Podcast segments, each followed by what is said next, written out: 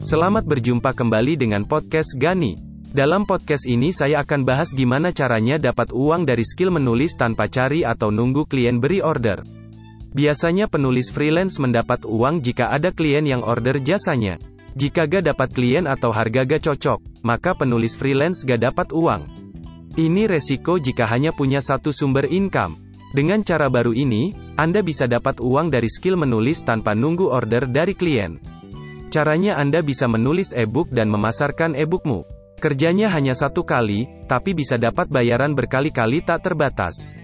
Mau dapat 200 ribu atau 500 ribu bahkan 1 juta pun bisa. Jika Anda serius dengan cara ini, Anda akan diajari step dari dasar, mulai dari mencari ide menulis sampai ke pemasarannya oleh mentor saya yang sudah hasilkan 120 juta lebih dari menulis e-book dan memasarkan tanpa iklan berbayar. Untuk tahu caranya, saya akan berikan akses ke tiga video yang bahas hal ini dengan detail.